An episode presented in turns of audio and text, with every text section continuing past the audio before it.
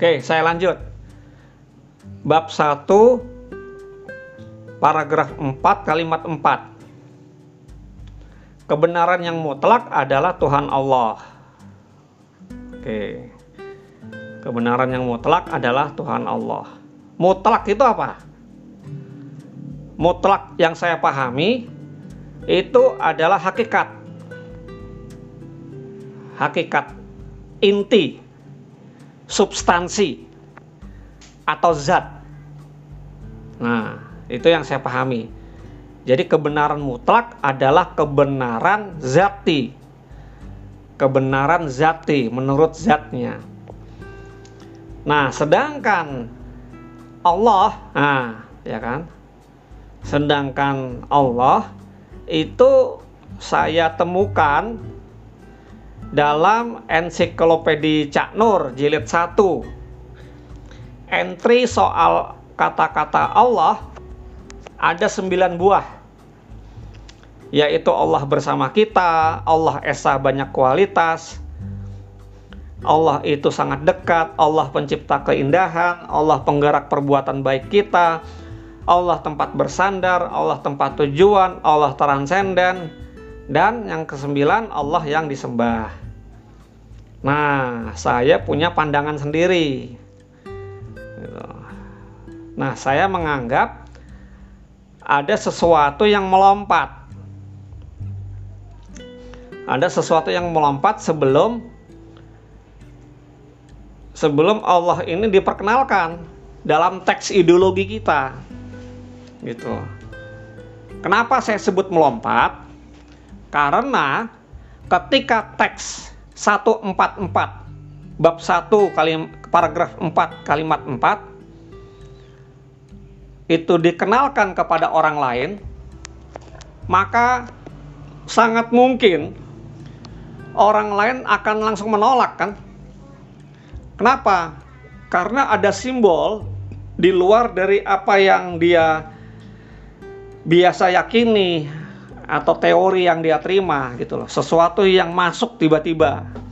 Itulah yang disebut kata-kata Allah Allah itu gitu. Karena itu uh, menurut saya menurut saya adalah kalimat 144 perlu disandingkan. Nah ini dia. Perlu disandingkan dengan kalimat 151. Artinya paragraf kelima.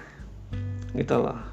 Dengan ah, maksud saya begini, maksud saya adalah yang harus kita rapikan dulu ya dalam pembahasan kita yang kita rapikan dulu adalah bahwa keberadaan ya dalam artian sesuatu yang tunggal tidak terbatas itu itu harus dijernih harus diselesaikan dulu ya sehingga bisa disimpulkan secara natural dialah Tuhan.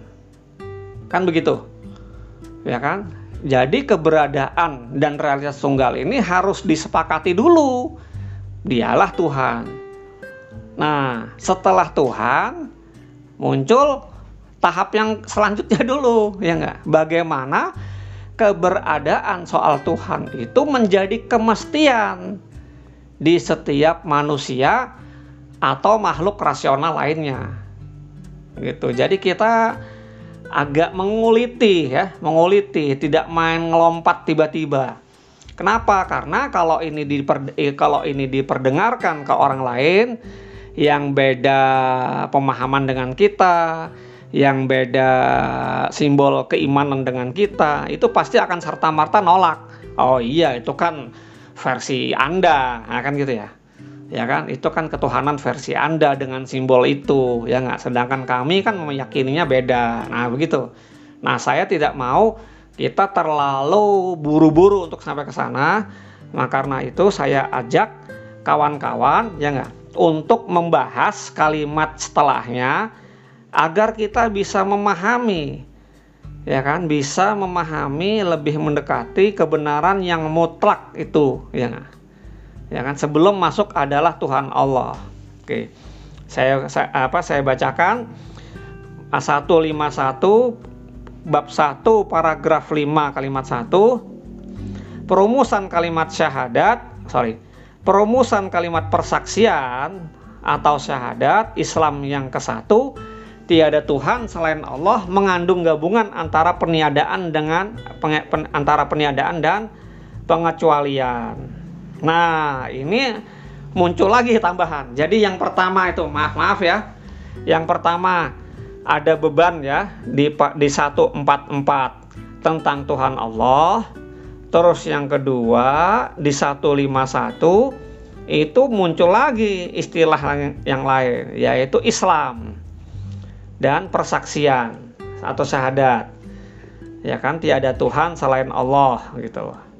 Nah, ini uh, menurut saya uh, perlu kita uh, perlu kita obrolkan lagi. Perlu obrolkan lagi, perlu diobrolkan lebih dahulu. Karena harus harus dijelaskan dulu apa itu perumusan apa itu kalimat, apa itu persaksian. Nah, gitu, ya kan? Jadi ada problem yang harus kita selesaikan sebelum tiba-tiba kita bicara Allah dan bicara Islam. Karena itu khas agama tertentu dan Anda akan kesulitan untuk berdialog dengan orang yang beda iman dan beda pemahaman kalau definisinya tidak kita bereskan dulu. Ya kan? Nah, karena itu coba kita lanjut ke 152. Para bab 1 paragraf 5 kalimat 2 selanjutnya. Perkataan tidak ada Tuhan meniadakan segala bentuk kepercayaan. Sedangkan perkataan selain Allah memperkecualikan satu kepercayaan kepada kebenaran. Nah, ini sudah sudah penggiringan maksa ya enggak bahwa kebenaran yang kita dialogkan beberapa pertemuan itu adalah kebenarannya uh, agama tertentu dan itu ya begini gitu loh penyaksiannya gitu uh, apakah salah? Ya tidak salah. Sekali lagi tidak salah. Cuma menurut saya terlalu melompat. Terlalu melompat. Kenapa? Karena ya harus dijelaskan dulu tiada Tuhan. Berarti kan pemahaman tentang Tuhan harus disepakati ya. Oke. Nah terus selain Tuhan juga harus kita sepakati. Gitu. Nah dari sana uh, apalagi kalau masuk ke apalagi kalau masuk ke mudah-mudahan selesai ini. Paragraf 5 ya. Masuk ke kalimat ketiga. Dengan penadiaan itu dimaksudkan agar manusia membebaskan dirinya dari belenggu segenap kepercayaan yang ada dengan segala akibatnya. Dan dengan pengecualian itu dimaksudkan agar manusia hanya tunduk pada ukuran kebenaran dalam menetapkan dan memilah nilai-nilai. Dalam uh, uh, saya ulangi, dalam menetapkan dan memilih nilai-nilai itu berarti tunduk pada Allah, Tuhan yang Maha Esa, pencipta segala yang ada termasuk manusia. Nah, ini ada beberapa hal yang harus kita harus kita perjelas. Ya, yang pertama masalah peniadaan Terus apa makna belenggu segenap kepercayaan yang ada dengan segala, segala akibatnya? Ya kan belenggu kepercayaan dengan segala akibatnya itu gimana? Terus manusia hanya tunduk pada ukuran kebenaran. Nah, ya kan dalam menetapkan dan memilih nilai-nilai. Ini kan berarti kan harus jelas juga. Ini tunduk yang gimana? Nah, gitu lah. Nah, kan nah tiba-tiba masuk ke ke kalimat yang terakhir tunduk kepada Allah berarti itu tunduk kepada Allah Tuhan yang Maha Esa pencipta segala yang ada termasuk manusia. Nah ini uh, mohon beribu maaf ya. Saya memahaminya itu menjadi sangat menjadi dogmatis gitu.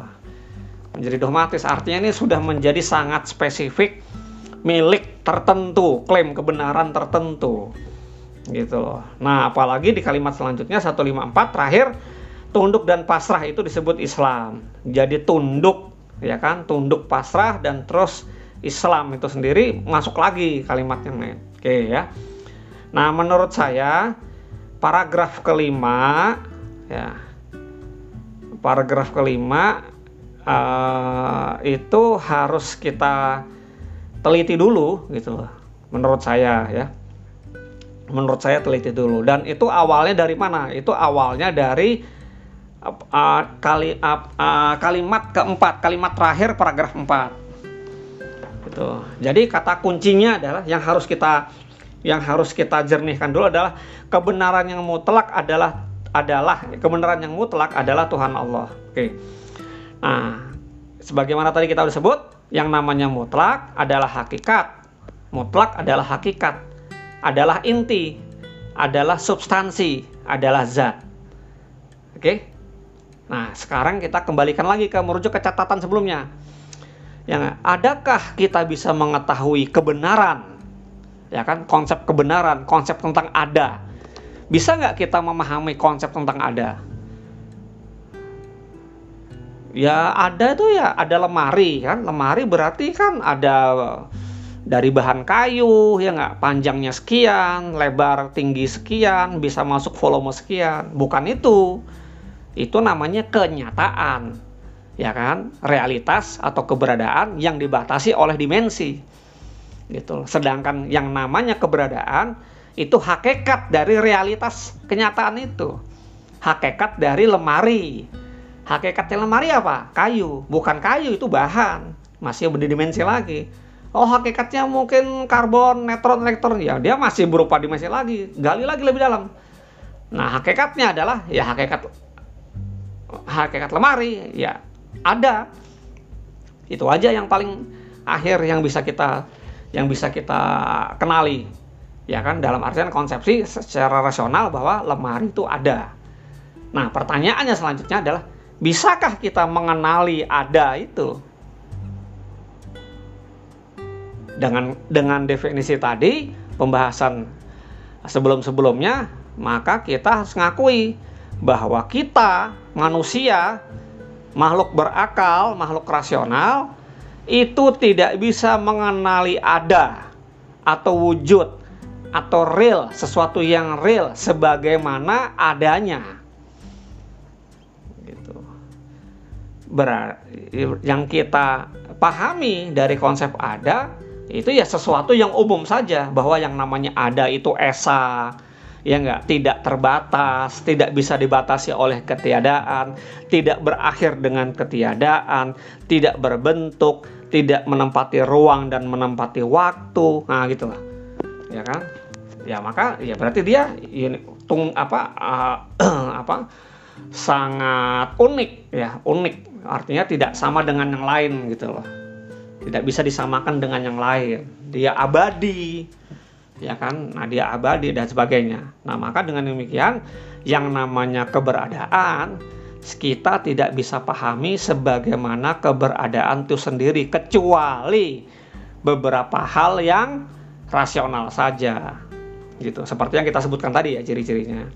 Oke jadi kebenaran yang mutlak. Nah Ya, jadi kebenaran mutlak artinya keberadaan yang mutlak, keberadaan sebagaimana keberadaan itu sendiri, itu mustahil kita ketahui. Oke, itu dulu yang pertama. Nah, terus pertanyaannya adalah seberapa, ya nggak? Seberapa besar, ya kan? Seberapa sesuatunya ada itu. Ya, kita sudah buktikan bahwa segala sesuatu itu butuh keberadaan. Pada saat yang sama, sesuatu segala sesuatu itu bukan ada gitu. Dia dia tapi dia sesuatu yang mengada mengada maujud. Mengada mengada tuh artinya butuh unsur lain agar dia ada gitu loh. Oke ya jadi kesimpulannya yang namanya keberadaan tidak bisa kita ketahui sebagaimana keberadaan itu sendiri.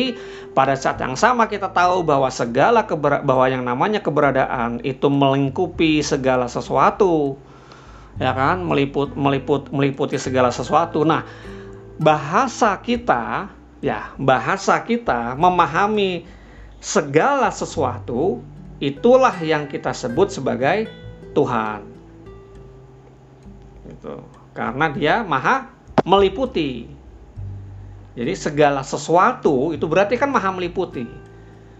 Ya kan? Ketika maha meliputi, ya sudah, berarti maha sempurna.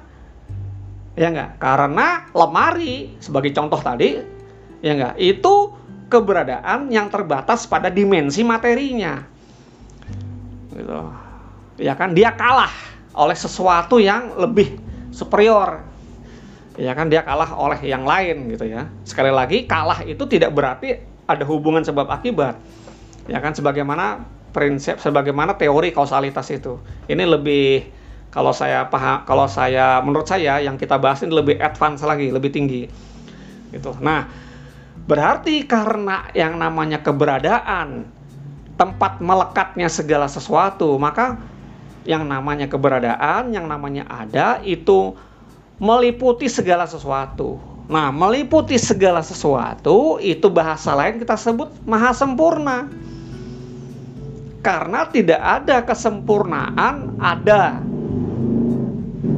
keberadaan tidak ada yang lebih sempurna kecuali keberadaan itu sendiri.